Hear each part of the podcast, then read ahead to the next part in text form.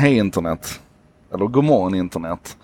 Det här är en En sak idag special och det blåser någonting fruktansvärt här så att jag vet inte hur bra det här blir men jag tar chansen för att jag har 20 minuter över. Så här, eh, ofta när jag postar någonting optimistiskt om techbolagen, till exempel från den här veckan som jag har tillbringat här med Facebook. Så möts jag av en storm av kritik. Eh, rent misstänkliggörande, men också ganska många som pekar på till exempel Sam Harris samtal med George McNamee eller i förlängningen eh, Kara Swishers samtal med nämnde man eller vad Tristan Harris säger som någon slags visselblåsare från insidan och sådär. och jag tror inte att de har, vad ska man säga, jag tror inte att de har fel. Eller jag, jag tror inte att de menar illa. Så här, till att börja med, jag är inte köpt av Facebook. Jag får ingen ersättning för dem. Jag skickar inga fakturor. Jag har inga speciella perks utan jag har bara med, med min tid sedan 1993 i bagaget någon slags position här där de väljer att prata mer med mig. Vilket gör att jag får kanske lite mer insyn än vad många andra får. Eh, för det är jag djupt tacksam och kan stundtals känna mig privilegierad. Men det är inte så att det är en del av min försörjning. Bara så att det liksom är helt solklart. Lika viktigt tror jag det är att försöka berätta att jag tror inte att de är ofelbara oavsett om vi pratar om Facebook eller Google eller Twitter eller Amazon eller Apple. så tror jag inte att det, jag tror inte att det saknas brister. Um, och de som följer mig ser också att jag ibland uppmärksammar de bristerna. Jag har till exempel varit fruktansvärt arg på Apple vid ett tillfälle när jag reste runt i norra Afrika, Tunisien, Egypten och arbetade med många av aktivisterna runt den eh, arabiska våren. Och det visade sig att Apple hade en bugg i sitt system som gjorde att den som valde att hårdgranska min telefon kunde hitta exakt var jag hade varit någonstans. Trots att jag väldigt medvetet vid specifika tillfällen hade gått in och stängt av location. Men det var en bugg. Och så är det. Alltså, jag tror vi måste vara klara över att både ur ett tekniskt perspektiv och ur ett, ur ett större affärsutvecklingsperspektiv, organisatoriskt perspektiv, demokratiskt perspektiv så är vi väldigt tidigt in i den här processen och det är klart att misstag kommer att ske men då måste vi betrakta de misstagen och de, de händelserna som det de är. och vi ska naturligtvis hålla företag, organisationer och individer accountable. De ska stå till svars för det de har gjort. Och de ska förklara varför det blev så fel som det blev. Men att det aldrig skulle bli fel, det ser jag som fullständigt otänkbart. Men då är vi inne kanske på den första punkten där den här debatten gärna tippar över lite grann och det är Ja, men låt mig säga så här, det finns tre sorters kritik mot, mot techföretagen. Den första sorten, den är helt enkelt oinsatt. Den beror på att man inte vet tillräckligt mycket och jag kan köpa det. Att att den vanliga Facebook-konsumenten som förvisso verkar vara happy-go-lucky och använda plattformen och vara jättenöjd med det man får tillbaka av den och likadant med, med, med ännu mer intrusive plattformar egentligen som Google. man använder dem, man tycker att dealen är okej. Okay. Man har någon slags idé om att det här är en transaktion där jag byter information om mig som person för att någon ska kunna sälja annonser mot mig mot att jag får en, en fantastisk gratisservice. Um, den, den relationen funkar fram tills någon sätter sökarljuset på och säger att här är det någonting som är trasigt och då exploderar den oinsatte. Jag förstår det. Sen är det ganska tydligt om man tittar på statistiken att den oinsatte ganska ofta ändå väljer att stanna kvar på plattformen. Man, man rasar lite grann men man ser ändå nyttan som man stannar kvar. Den andra sortens kritik är nog den som jag har absolut svårast för. Inte nog, det är den som jag har absolut svårast för. Det är den som jag nästan uppfattar som lite illvillig. För den kommer ifrån en, en specifik och annan agenda. Ta Peter Wolodarski till exempel, eller en i Peter, i Peter Wolodarskis fall så är det ganska enkelt ändå att förstå varför han är så jävla korkad som han är i sin kritik. Det är för att hela hans plattform, hans position som journalisten, gatekeepern, den som tjänar pengar på folks uppmärksamhet och så vidare, att den ifrågasätts av de här plattformarna. Så att jag kan förstå varför den kritiken kommer. Men den är så jävla oärlig och så oschysst. Um, en annan del av den illvilliga kritiken kommer ifrån folk som Anette Novak till exempel, generaldirektör för Mediaakademin numera, som sätter sig på någon slags, någon, någon slags hög häst och, och tycker att, att um, jag har redan sagt för mycket. Jag lämnar det där. Det finns någonting väldigt, väldigt osmakligt och obra i den här illvilliga, agendadrivna kritiken. Jag skulle kunna nämna många fler och Karin Pettersson, du vet att jag älskar dig på många sätt. Jag hoppas vi får tillfälle att sitta ner och ha ett snack en vacker dag. Men sen du tog på dig, tog på dig lobbyisthatten för Schibsted så är det ju någonting som har kantrat och det behöver vi prata om. anyway. Den tredje sortens kritik, det är ju den som jag då ofta får konfrontera. Det är den som kommer ifrån folk som Tristan Harris och Ariana Huffington, eh, Renee, eh, Tristan Harris. Eh, alltså de här, eh, Kara Swisher definitivt, de här människorna som är väldigt djupt insatta i de här frågorna, har arbetat med dem länge. Men som idag av någon anledning väljer att vända sig mot plattformarna. De har varit en del av att bygga upp de här och, och, och använder det lite grann som en, en fond för att säga att nu känner jag att jag måste ta mitt ansvar och försöka rätta till allt det här jag har gjort fel. Eh, jag, jag, jag, vi får se om jag lyckas återkomma till varför jag tycker det är besvärligt men jag måste bara ta det större perspektivet då på vad det är för resa vi ser hända här. Och vi kan faktiskt backa hela, till vägen, hela vägen tillbaka till Gutenberg där någonstans runt mitten på 1400-talet, 1465 när den första tryckpressen kom på plats. Och... Jag ska läsa ett stycke från Wikipedia. Man säger så här. The Catholic Church re quickly realized the potential of the printing press as a challenge to its influence.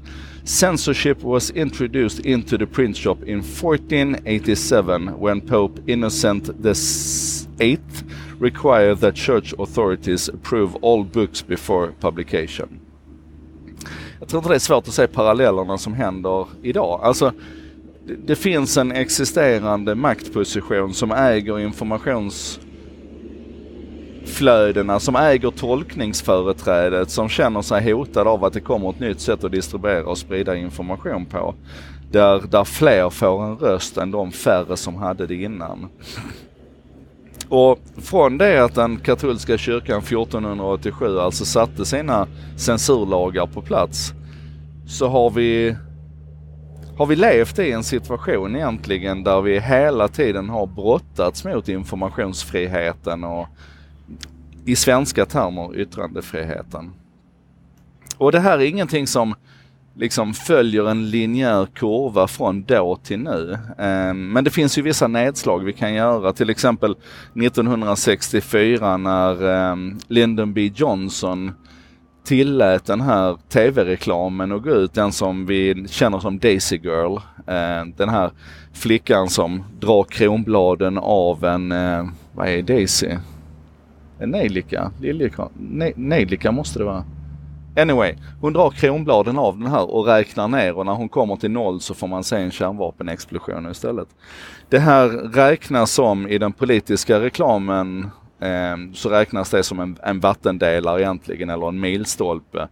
För det var där man insåg att den här oerhörda kraften av tv-mediet som politisk påverkare måste vi försöka kontrollera och styra. Och från dess från den tiden och framåt så har man haft en, en oversight. Man har haft vissa bestämda regler och, och tydliga riktlinjer med bötesbelopp och allting för vad som gäller om du inte följer det som, det som vi har kommit överens om ska gälla för politisk reklam i, i broadcastmedia.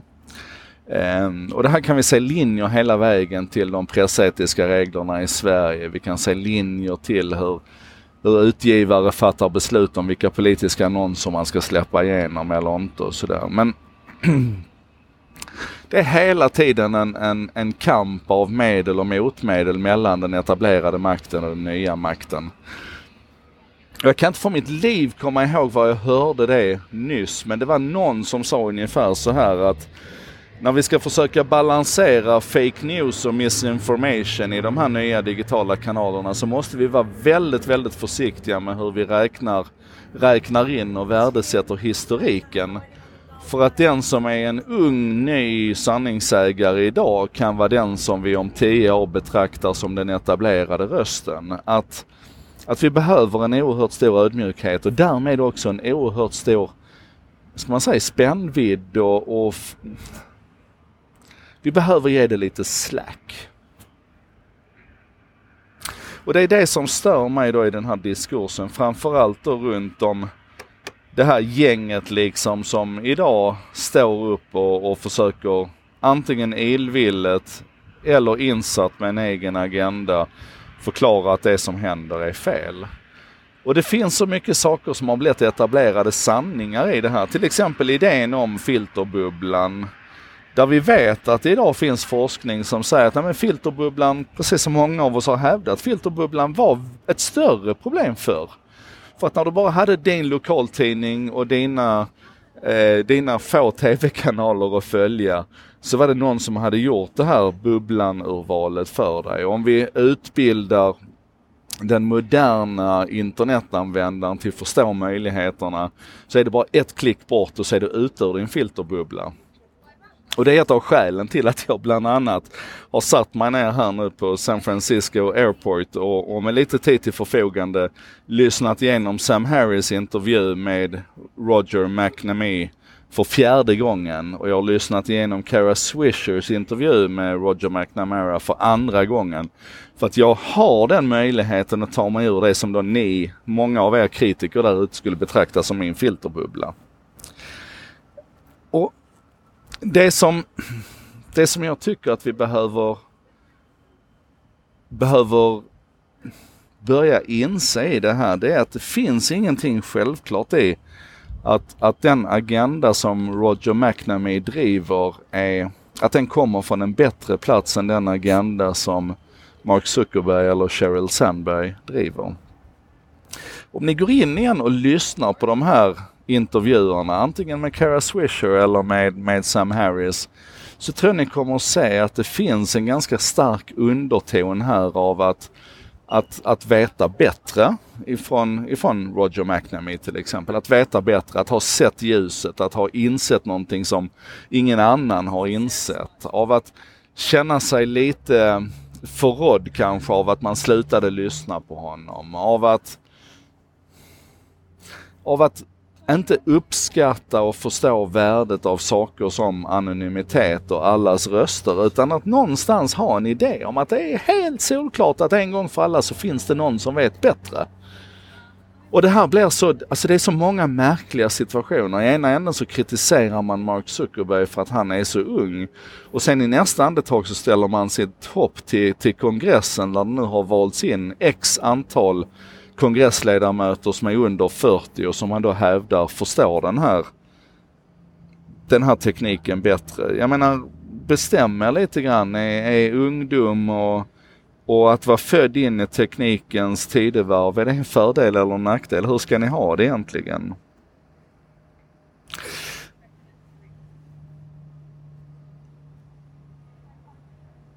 Jag tror egentligen att allting kommer till någon slags pudelns kärna på slutet. Framförallt i den, i den intervjun som Roger McNamee gör med eh, Sam Harris. Där han slår fast att men jag behöver sälja min bok. Min Facebook-kritiska bok. Och den bästa plattformen för att sälja den boken det är, eh, det är Facebooks annonsplattform. Alltså någonstans där, om inte förr, så borde ju hela, hela, hela förtroendet för allting annat han har sagt börja gå sönder. Och um,